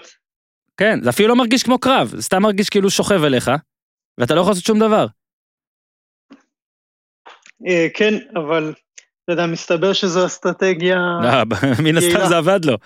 אז בוא רגע כן ניתן ממנו אליך, אז הנה עוד יש לי שאלות מהקהל, אז אחד זה באמת מה- מהמשתמשת, עוד מעט יש לי מישהו נוסף. אה, באמת גם דיברת על זה קצת בהתחלה, אבל הרי אתה בא מעולם הקארטה. עולם הקארטה, אם אנחנו לא טועים, אתה עומד. אה, פה אתה, בקרבות שלך, אתה הרבה על הרצפה, וגם ממש נראה שאתה יודע מה אתה עושה. עכשיו, ברור שגם למדת את זה, אבל אם אתה יכול קצת. להכניס אותנו, להכניס לראש, אלה שלא מכירים ולא מבינים או פחות, כשאתם על הקרקע, עד כמה כל תנועה הרי בעצם מחושבת. זאת אומרת, היה, נגיד ראיתי קרב שלך אתמול גם, שמישהו כאילו בכלל על הקרקע עליך, אבל תוך שנייה אתה עושה מהלך, אם זה, אתה יודע, פתאום נעמד כזה, לא יודע, כתפיים ורגליים על הכלוב, כל מיני מהלכים כאלה שתוך שנייה משנים את זה. עכשיו גם הרי מן הסתם, מהצד השני, כל מהלך שתעשה לא נכון יכול לגרום לך להיכנס למשהו שגומר את הקרב.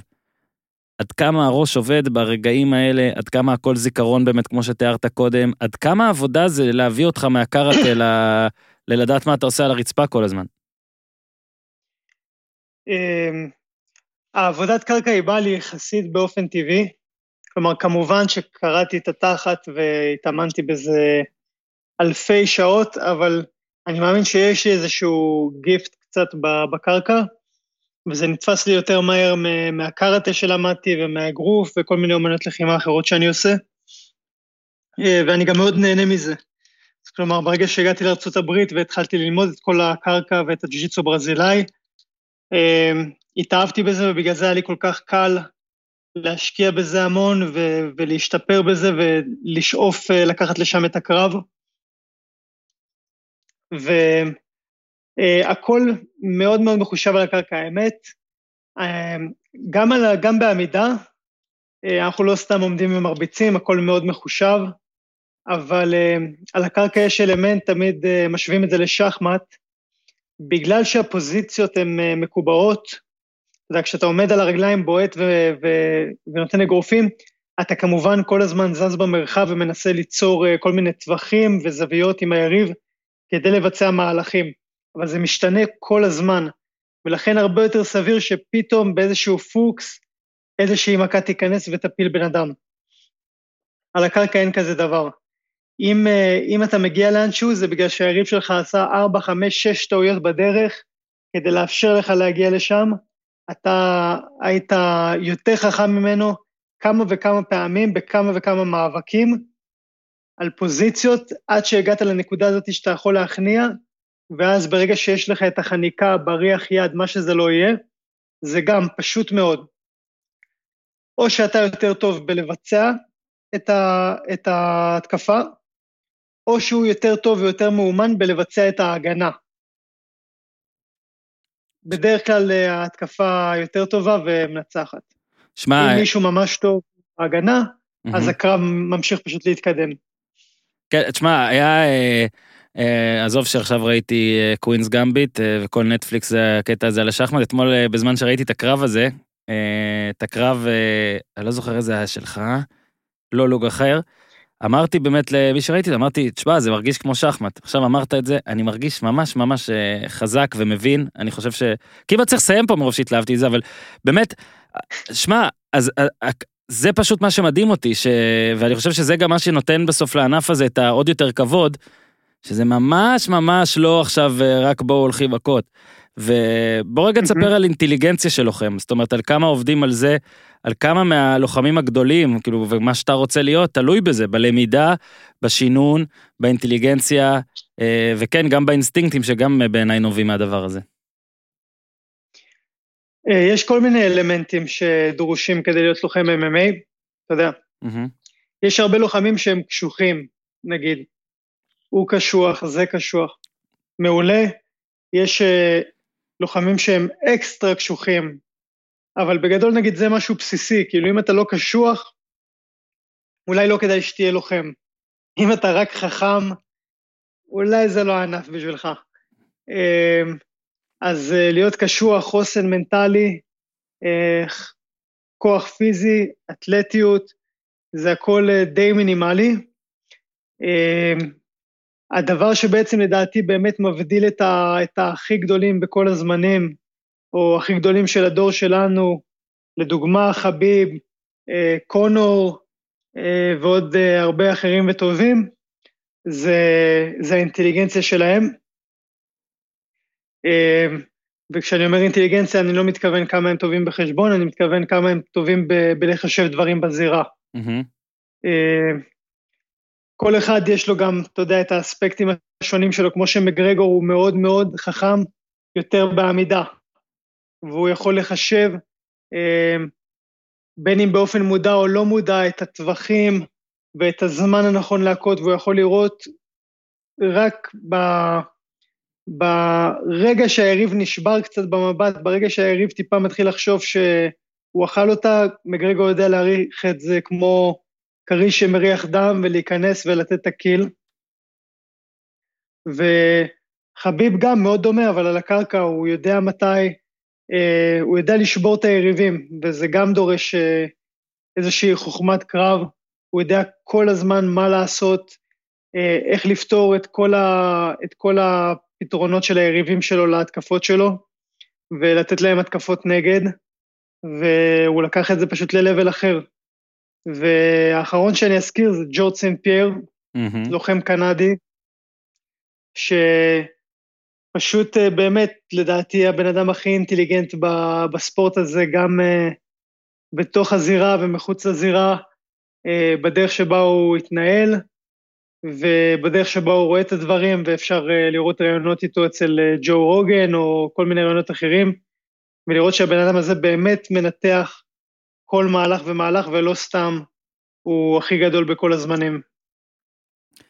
אגב גדולים ואגב פה ואגב שם. עכשיו אתה חלק. מי, בוא נגיד, מהפעילים, ש...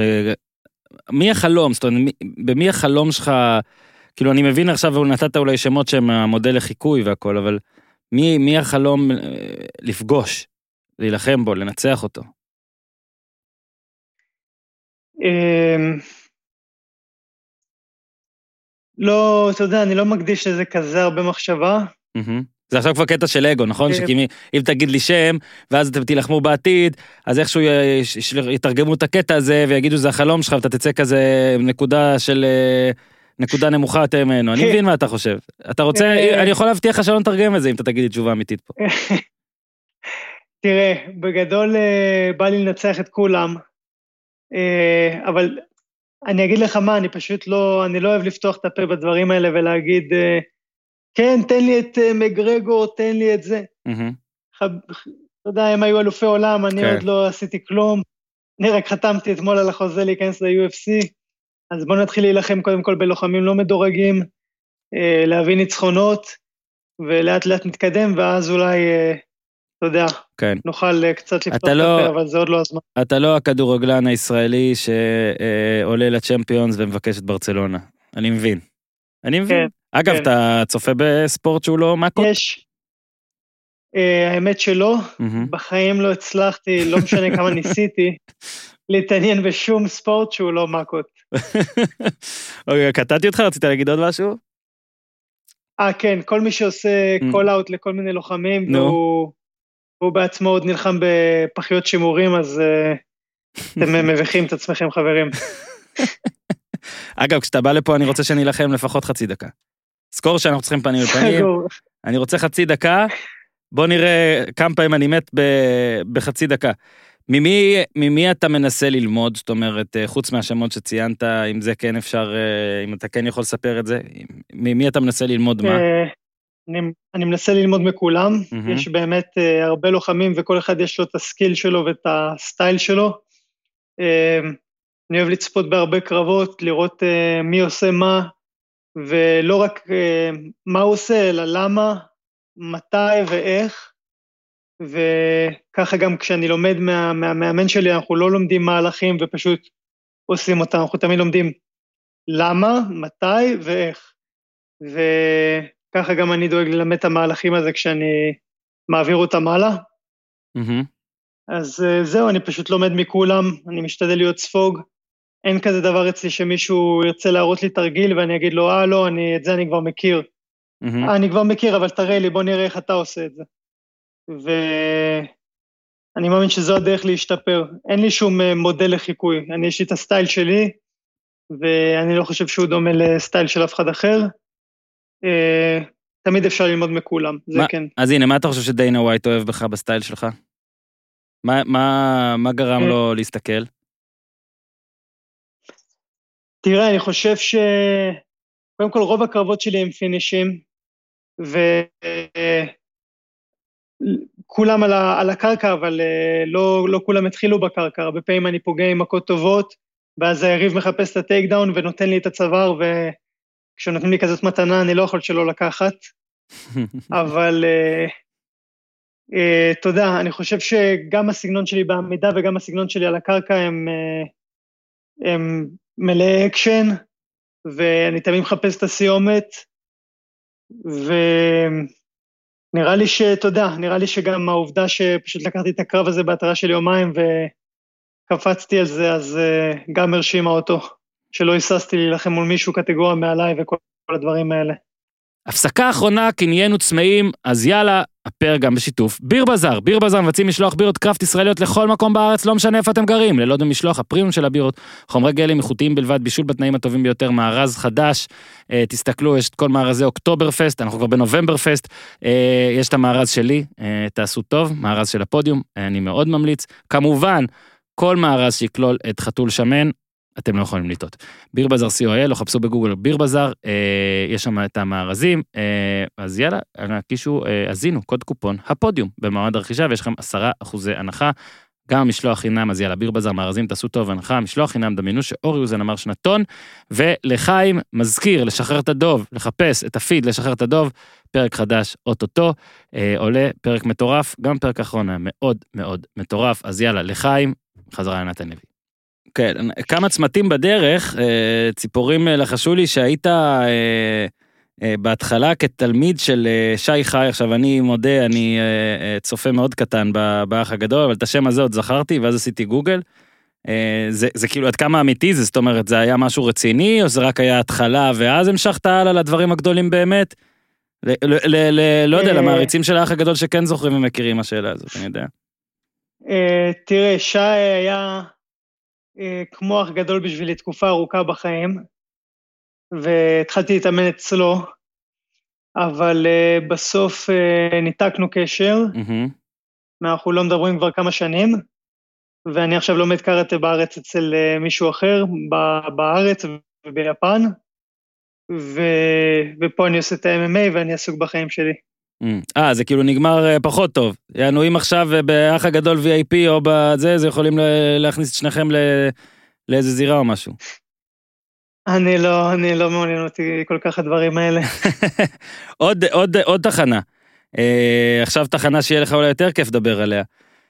שמע, אתה עובר לווגאס נגיד, אז סבבה, כששחקן כדורגל, שחקן כדורסל, שח... לא יודע מה, לוחם, אוקיי, מקבל חוזה נגיד, סבבה, האישה עוברת איתו והכל בסדר. פה בעצם עברת בהימור.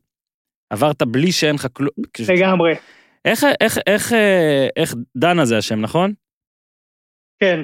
איך בכלל אה, דנה משתכנעת, עד כמה דנה היא זאת שמושכת, ועד כמה, אתה יודע, אתה מרגיש יותר לחץ אולי כשאתה מהמר פה על ש...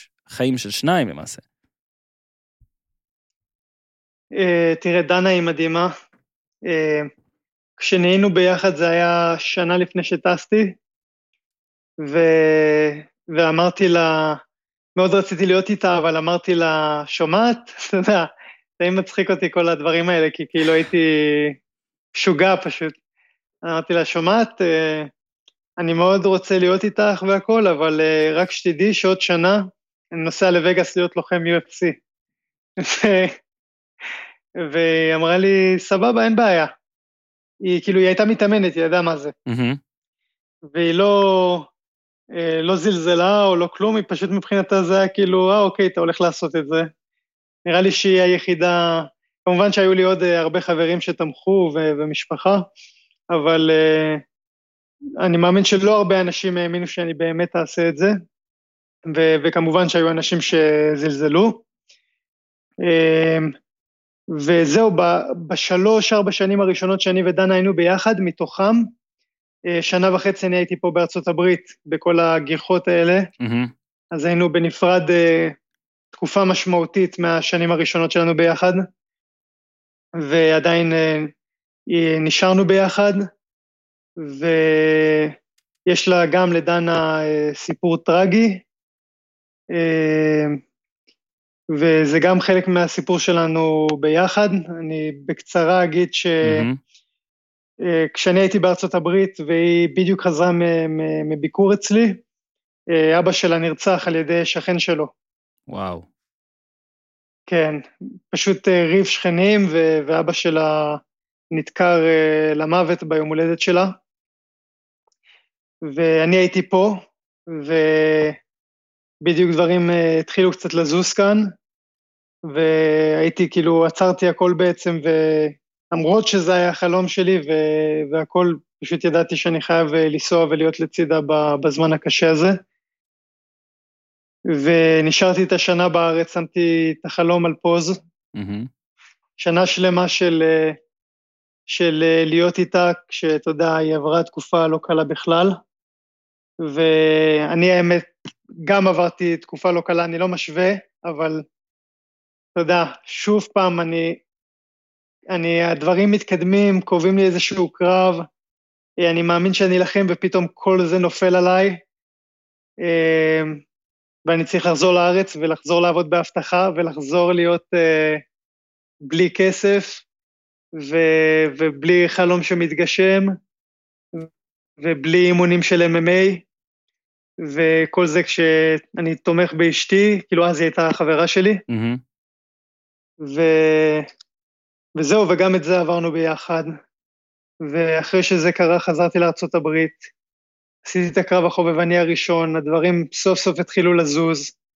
נתתי את הארבע קרבות האלה בשנה, אה, ושברתי את היד, שנה אחרי זה כבר באנו אני ודנה אה, לווגאס לקרב המקצועני הראשון שלי. אה, לפני הקרב יצאתי לנישואין. אה, נתתי קרב, את הקרב המקצועני הראשון, ניצחתי בדקה וחצי. לפני הקרב נגד מרקוס, ל- מרקוס סימס באותו יום, לא, לא, כאילו שבועיים, שלוש כן. לפני. נבהלתי, כאילו, א', זה היום נישואים, כן. ש... א', זה היום נישואים שלי, כן? אז נבהלתי, אה, זה גם יום הולדת של אשתי, אז נבהלתי פעמיים, והכי נבהלתי מזה שאתה עומד להיכנס לזירה, כאילו, ורגע לפני זה, זה, תשמע, זה, תשמע, זה אמיץ. אה, אבל כמה זמן לפני, לא, אתה אומר, ב- סבבה. ביום של הקרב אי אפשר לדבר איתי. בגלל זה, לא. את שומעת שנייה? אם אתה אומר לי בהצלחה, אתה עלול לקבל אגרוף. כן, זהו, אני הרגשתי זה כן. ככה. א- א- כמה באמת, אני edge. כמה באמת אז, אה, כמה באמת, אתה יודע, החיים שלך משפיעים עליה, זאת אומרת, כמה, כאילו, היא עכשיו כן. סביבך, ובטוח, ועזרה וכל זה. זהו, אז אחרי כל זה, כאילו, אחרי הקרב הזה חזרנו לארץ. פשוט, אה, וזהו, לקחנו את המזוודות. דנה, שהייתה עובדת אה, בהייטק, והיא מתכנתת, אה, בחורה חכמה מאוד. אה, עזבה את עזבה את העבודה, ו- וטסנו לכאן. והיא תמכה בנו כל התקופה הזאת, המש- בשלוש שנים האחרונות. היא המשיכה לעבוד שם בתכנות וזה? לא, מצאנו כל מיני פתרונות, מהמם. אבל... אה, שמע, היא השקיעה במניה, חבל על הזמן. כן, כן, בדיוק. אז אה, תמיד, דנה. יודע, תמיד, אה, תמיד ידעתי אני מבחינתי שזה, אתה יודע, זה אנחנו ביחד ואנחנו טים, אבל אה, גם זה השקעה שלה, וכאילו, ואני רוצה שההשקעה תשתלם לה. אתה מוכן, אה, כן, ו- חד משמעית, אתה צריך להחזיר קצת, אנחנו נדבר איתה. נעשה גם פרק כן. עם דנה, ואז... כן. אה, סגור. עוד פרק בפינה, אה, איש מטומטם שואל אה, שאלה מטומטמת. אגב, דנה שאוהבת אותך, ו- וכמה זמן לפני קרב הצעת לה נישואים, ו- ואני משער שגם משפחה, הורים שלך, מכרים והכול. תשמע, תקשיב, נתן, אני, כשאח שלי נגיד שיחק כדורסל, אז אני, אני מתרגש בשבילו, ובמשחק עצמו אני מתרגש, ואני לפעמים גם הייתי צועק ודביל וכל זה ונלחץ. אבל לפחות, שמע, זה כדורסל. איך לעזאזל אה, משפחה צריכה לקבל את העובדה שנתן לוי אומר להם, אני הולך אה, להחטיף ולחטוף מכות מהאנשים הכי מסוכנים בעולם כמקצוע, ואיך הם צורכים ועוברים קרב שלך. בין אם זה כשאין קורונה הם ביציע, ובין אם זה בטלוויזיה, כי שוב, זה לא שאתה רק מנצח או מפסיד, דברים יכולים לקרות לך. איך, כן. איך מקבלים את המקצוע? איך צופים?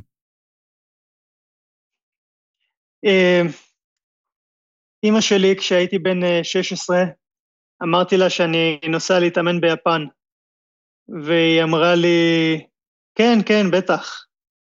וחזרתי לה הביתה באותו שבוע עם כרטיס טיסה ליפן, והיא כבר לא יכלה להגיד לי לא, כי היא כבר אמרה כן. אז אה, מאז היא הבינה שאני בחור עקשן ושבסוף אני אעשה מה, ש... מה שבא לי ולא מה שמצפים ממני ולא מה שנראה נורמלי. ו... ותראה, היא עדיין, אה, היא, היא כאילו בילדות לקחה אותי לחוגים וכל מיני אומנויות לחימה ש... שלא התמדתי בהם, אבל אה, סתם ככה כאילו לזרוק אה, על אימא שלי מילה שהיא מדהימה והיא חינכה אותנו לבד.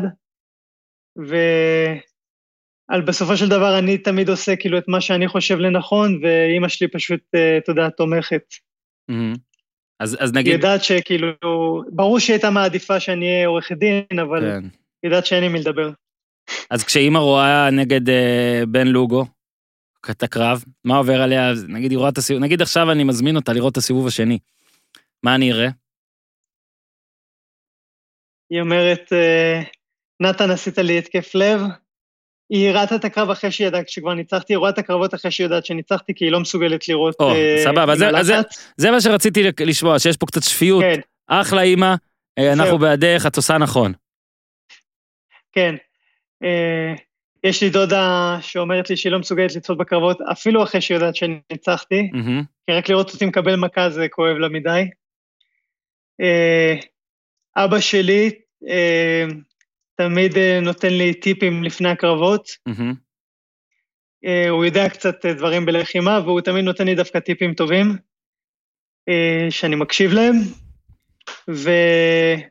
ובדרך כלל אני נלחם ביום אה, שישי בערב, הייתי נלחם ביום שישי בערב עד עכשיו, אז אה, הוא שומר שבת, אז הוא היה רואה את הקרב רק אחרי שבת, ומתקשר אליי אחרי שבת, ואומר לי כל הכבוד. בעיקרון הם יתרגלו, אתה אומר. כן. עכשיו, אה, איתי ליבוביץ', אה, איש יקר, שהוא גם, אה, אני מגדיר אותו כאיש ה-UFC של הפודיום, למרות שהוא היה פה מעט פעמים, אבל אנחנו נגדיל את הרצף, כי תשמע, יותר ויותר אנשים אוהבים את ה-MMA ואת ה-UFC, אז איתי ליבוביץ' מאמן, לוחם, הבעלים של האקדמיה הישראלית לג'ו-ג'יצו ברזילאי, איתי, אני מקווה שאמרתי את זה נכון. אה, דיברתי איתו קצת אתמול עליך והכל, כמובן שהוא מאוד התלהב. כמה מהשאלות פה אני כבר אשוויץ בהשראתו. אה, ויש עוד כמה דברים שהוא רצה אה, לדעת, אה, למשל, אתה יודע, נגיד, אתה מתאמן בסינדיקט של MMA הרי, נכון? כאילו, למה בחרת נכון. דווקא את המקום הזה? וזו שאלה שכמה שאלו אותי, ביקשו שאני אשאל. גם שם היה הרי יתרונות, חסרונות, אתה אמרת גם לעבור אולי, שהיה לך אולי יותר נוח לעשות את זה משהו אחר, אבל הייתה סיבה שבחרת במקום הזה, אם אתה יכול לספר למה. ב- כשאני בהתחלה טסתי לווגאס ולא הכרתי אף אחד, אה, הכרתי את המאמן שלי ג'ימי והוא לקח אותי לסינדיקט, ובגדול מה שמאוד אהבתי בסינדיקט זה שבהרבה מכונים, או יותר נכון הרבה אנשים יגידו לך ללכת למכונים הגדולים. עד היום משגעים אותי בשאלות, אה, אני אומר משגעים אותי כי זה, לדעתי זו מחשבה שהיא כאילו, השאלה היא מטומטמת. אה, הצטרף. למה, למה אתה לא הולך למכון הענק הזה? אז המחשבה שלי כלוחם מתחיל, שעוד לא היה לו אפילו קרב אחד בודד, היא מה יש לי לחפש ללכת להתאמן עם אה, אלופי עולם. קודם כל, יש אלופי עולם במכון, משמע אף אחד לא ישים עליי, אף אחד לא יסתכל עליי, אני אהיה עוד מנוי שמשלם כסף ולאף אחד לא אכפת ממנו. אם אני איכשהו יצא לי אי פעם לעבוד עם האלוף עולם הזה ב, באיזה דריל או בספארינג, אמ, אני לא יכול לעזור לו בכלום, והדבר היחיד שהוא יכול לעזור לי אולי זה לפרק אותי מכות. אז כל הלך תתאמן עם האלופי עולם וזה, אני לא מאמין בזה. אני מאמין בלך תתאמן עם אנשים ברמה שלך, אה, כמה חבר'ה שהם יותר טובים ממך, כמה חבר'ה שהם קצת פחות טובים ממך, ו... ולאט לאט תשתפרו כולם ביחד, אם יש מאמן טוב כמובן. ו... וזה מה שהיה, תראה, נכון אה, בכל המכונים האלה יש אלופי עולם, אבל כשאני הגעתי לסינדיקט, זה היה חבורה של חבר'ה חובבנים. Mm-hmm. אבל אה, המאזן שלהם של אותה שנה, היחס ניצחונות הפסדים הוא מטורף. היה להם אה, מעל 100 ניצחונות ואיזה 7 הפסדים. אה, אני זוכר כי היה כתוב על הלוח אה, בגדול, היו כותבים כל ניצחון וכל הפסד של הקבוצה. Mm-hmm. הם היו לוקחים את כל התארים בחובבני, תארים עולמיים של ארצות הברית, של ארגונים קטנים, הם היו נותנים עבודה. וזה מה שאני רציתי להיות, אני, בעתיד הקרוב אני לא רציתי להיות אלוף UFC, אני רציתי להיות כמוהם, להיות חובבן שמנצח קרבות ואולי זוכה באיזשהו תואר חובבני, וזה האנשים שהייתי מתאמן איתם, והם היו יותר טובים ממני, אבל לאט לאט עם האימונים אני התחלתי לתת להם פייט, והגעתי לרמה שאני מחזק אותם, והם אה, לפעמים מפרקים אותי, אבל מחזקים אותי, ויש איזשהו פייט. והחבר'ה האלה, החובבנים לאט לאט עברו למקצוענים ונהיו מצליחים במקצוענים, וככה אני ישר אחריהם עובר למקצוענים ומתחיל uh, לנצח קרבות. אחרי זה החבר'ה האלה עוברים ל-UFC, והנה אני עכשיו חותם ב-UFC. אה, לדעתי זה אומר הרבה יותר לקחת uh, קבוצה של אנשים, אחד מרקע של קראטה, אחד מרקע של אגרוף, אחד מהאבקות, חלק בלי רקע בכלל, ותוך כמה שנים להפוך את את uh, חלק גדול מהם, את הרציניים ביותר, את אלה שהתמידו הכי הרבה, uh, להפוך אותם ללוחמי UFC, זה אותי זה הרבה יותר מרשים מאשר uh, לקבל איזה אלוף עולם ביד ולגרום לו להמשיך לנצח ו- וכל הדברים האלה. לקבל את הבן אדם הכי אתלטי בעולם ועם הכי הרבה פוטנציאל, uh, שהולך לקבוצה הענקית הזאת, למגה ג'ים, לכל המכונים שמלאים באלופי עולם, mm-hmm. אה, יודע, ברור שאתה יודע, כבודם uh, במקומו, אבל. כן. אותי זה הרבה יותר מרשים, המאמן שלי האישית, ג'ון, שפשוט לקח כמה חבר'ה שהם כלומניקים ועשה מהם משהו. Mm-hmm. וזה מה שאני הרגשתי שיהיה כש... כשהצטרפתי למכון הזה, וזה גם באמת התממש. שמע, בעיניי יש כמה דברים שמרימים קריירה של בן אדם, אחד מהם זה שאתה רואה נגיד את האנשים המצליחים, האנשים שמצליחים, ואתה, יש לך את הרצון להיות uh, הם, גם אם זה לא הם בדיוק, אבל נגיד אלוף עולם, נגיד אתה רואה מישהו עם חגורה וזה, ואתה מת שהחגורה הזאת תהיה עליך.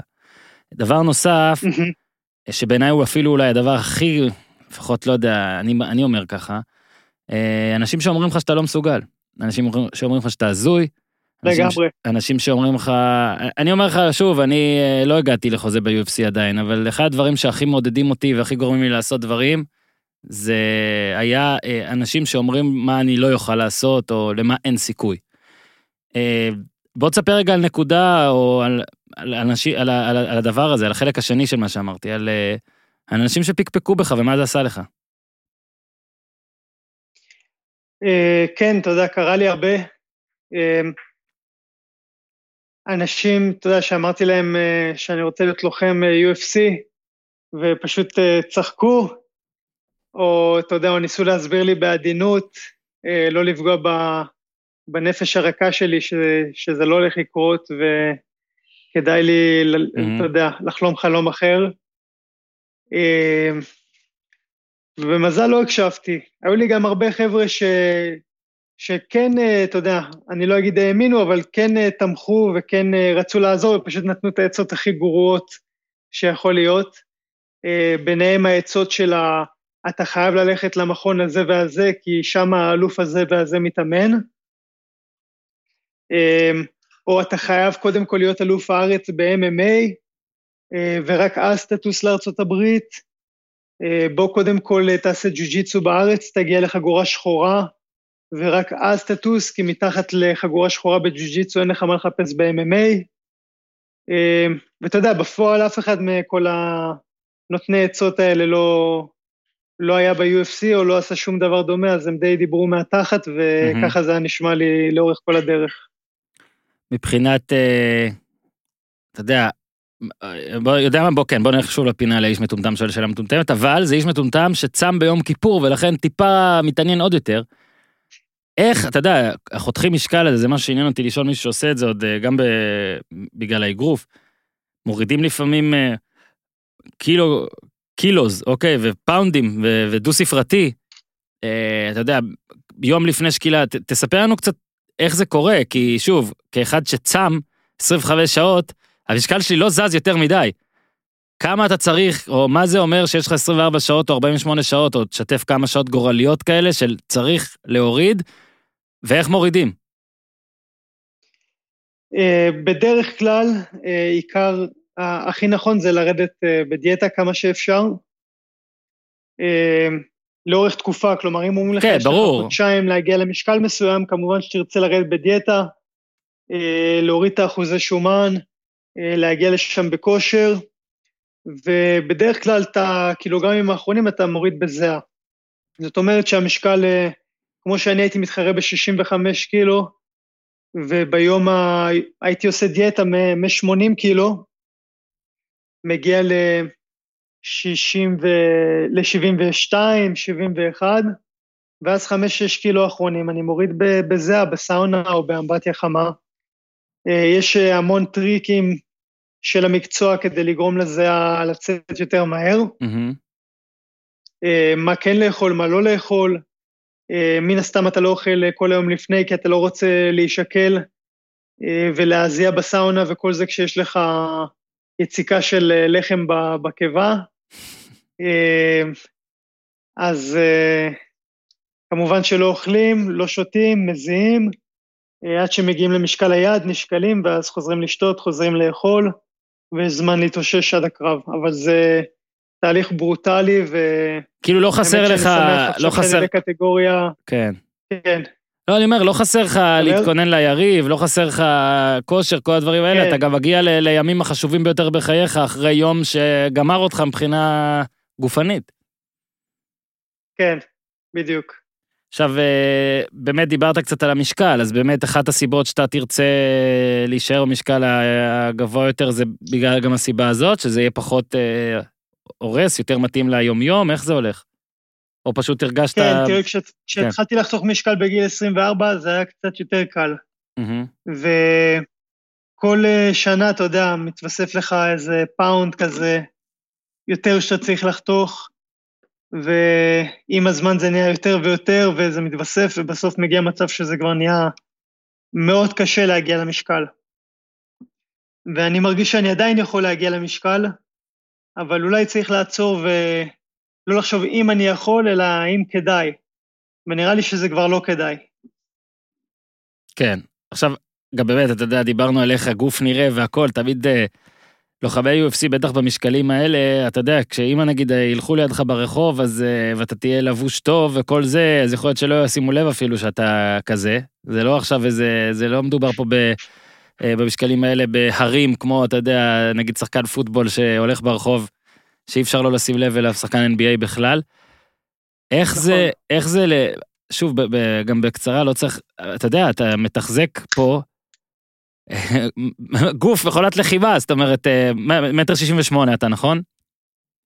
לא, אני מטר שבעים ו... בואנה, תתקן את. הוויקיפדיה. כן, בכל מקום עשו עליי פעם כתבה שאני, כביכול שאני דוד שנלחם בגוליאטים או איזה משהו כזה. רק על סמך זה שהיה כתוב שאני מטר אה, שישים ושמונה, אז, ב... אז רגע, אבל אה, ויקיפדיה כן. ישראל מאזינים לנו. אוקיי, כמה פעמים כבר אמרנו דברים והם קרו. אז נתן לוי פה בפנייה נרגשת לוויקיפדיה ישראל. בבקשה, בן אדם מטר שבעים ושש, נכון? כן, אנחנו מתקנים פה את הכל. משקל, כמה להגיד להם? כרגע כתוב 65 קילוגרם, זה בסדר? אז עכשיו אני מתחרה ב-70, אפשר לשים 70. אוקיי, שמעתם? ויקיפדיה ישראל. מטר שבעים ושש על 70. אנחנו מבקשים פה אה, לתת את העובדות הנכונות על הבחור. בכל זאת, עלה משקל, גבה שמונה סנטימטר אתמול. יאללה, תנו, תנו לו את זה. אה, אנחנו לקראת פה באמת סיום, אז אה, יש לי עוד דברים, כמה דברים קצרים, אז מבחינת... אני אגיד לך דבר כן, אחד, בטח. מה שאמרת על המראה, אה, פעם הסתובבתי ליד הבית בהרצליה בין, אה, בין הקרבות, כשעוד הייתי גר אה, בארץ, מהמם. וניגש אליי איזה מישהו באמצע, באמצע החניון בהרצליה. ואומר לי, תגיד, אתה נתן לוי? אמרתי לו, כן. אז הוא עושה לי, בואנה, אתה רוצח בזירה, אבל בתכלס אתה נראה חנון, אה? אמרתי לו, כן, וזהו, ו- ופיצצת אותו. כן. אז זהו, אני נראה חנון. אז אה, לא, לא, האמת שלא יכולתי להתווכח איתו. כן, אני לא יודע אם חנון זאת ההגדרה הנכונה, אני כן יכול להגיד שעל הקטגוריות משקל שלכם, אם אתם לבושים טוב והכל, ולא רואים את הגוף ואת הכל, אז זה נראה בן אדם נורמטיבי, לא אחד שיפרק אותך בארבע שניות בערך. זה... נכון. אז- זהו, אז מה שרציתי עוד לשאול, כן, קודם כל יפה שהשלמת את השאלה שאני לא סיימתי. מבחינת, אמרת, הרי הקורונה היא גם מאוד עזרה לך, אין מה להגיד, אה, לקבל את הקרב הזה ואת הכל. איך זה להילחם בלי קהל?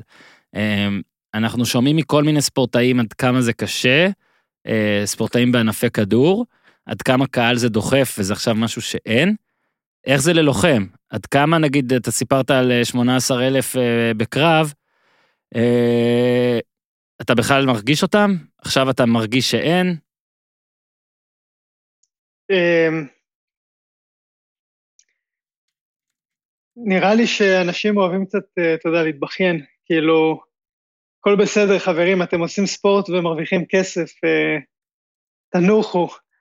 אה, ברור שנחמד עם קהל ו- וכיף לשמוע את הקהל צועק וכל הדברים האלה, אבל לי אישית זה לא, זה לא אכפת, כאילו... אני, אני גם ככה כל כך מפוקס בקרב שאני לא, אני לא, בחיים לא הרגשתי בהבדל אם היה 18 אלף איש או אם האולם היה ריק. מבחינתי אני בקרב ולא לא שמעתי ולא התעניינתי בשום דבר אחר. מהמם. זאת אומרת שבקטע הזה טיפה פחות, כן, בשבילך. ברור שאתה יודע, נחמד לי לדעת ש, שיש אוהדים בקהל ואם יש אה, דגלי ישראל וזה וזה, מגניב. אבל כאילו כשאני בתוך הקרב, מי בכלל חושב על הדבר הזה? אני, אתה יודע, לפעמים שואלים אותי כאילו אם אה, מפריע לך שאשתך בקהל. וואלה, אני לא יודע שאם היא בקהל או לא, מצידי היא יכולה, אתה יודע, לצאת באמצע לשתות קפה, אני לא הייתי יודע, כאילו, אני עסוק פה בלהילחם על החיים שלי. מדהים שהיא בקהל.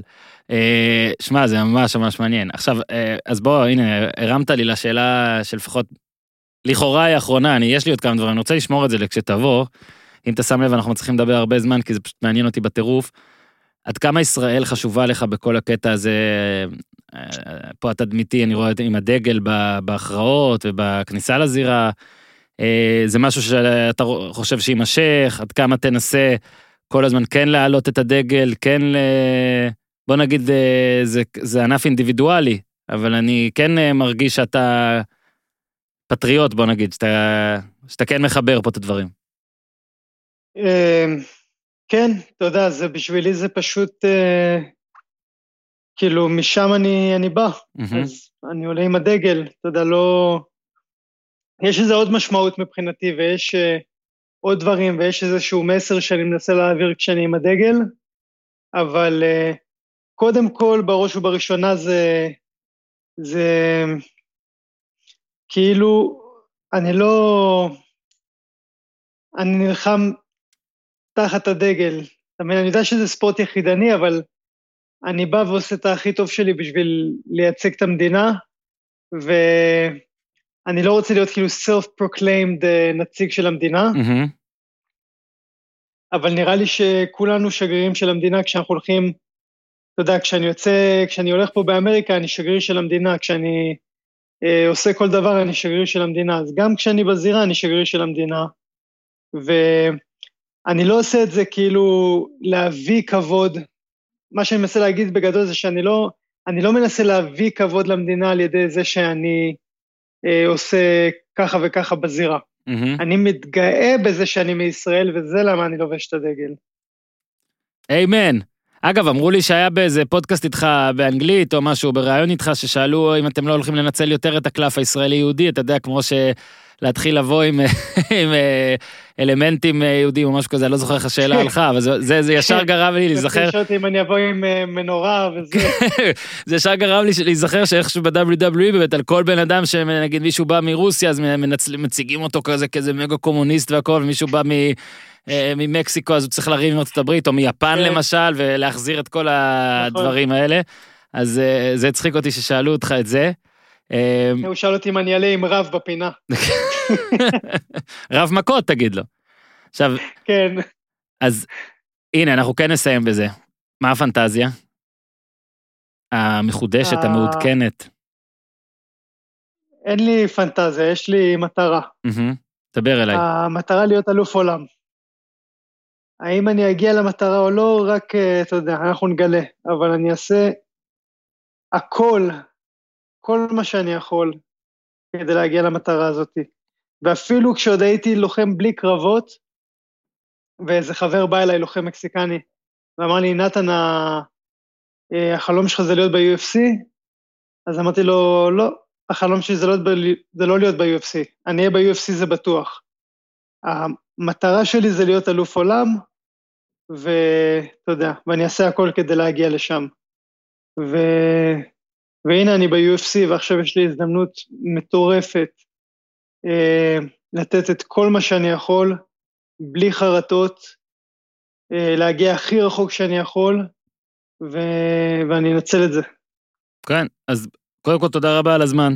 אה, שוב, היה לי מאוד מאוד, לך. היה לי מאוד מאוד מעניין. אה, הכל בזכות הפינה שלנו, איש מטומטם שואל שאלות מטומטמות, אבל גם השאלות האחרות ובעיקר התשובות שלך היה כיף. אז תודה והמון בהצלחה, אה, נמשיך לעקוב.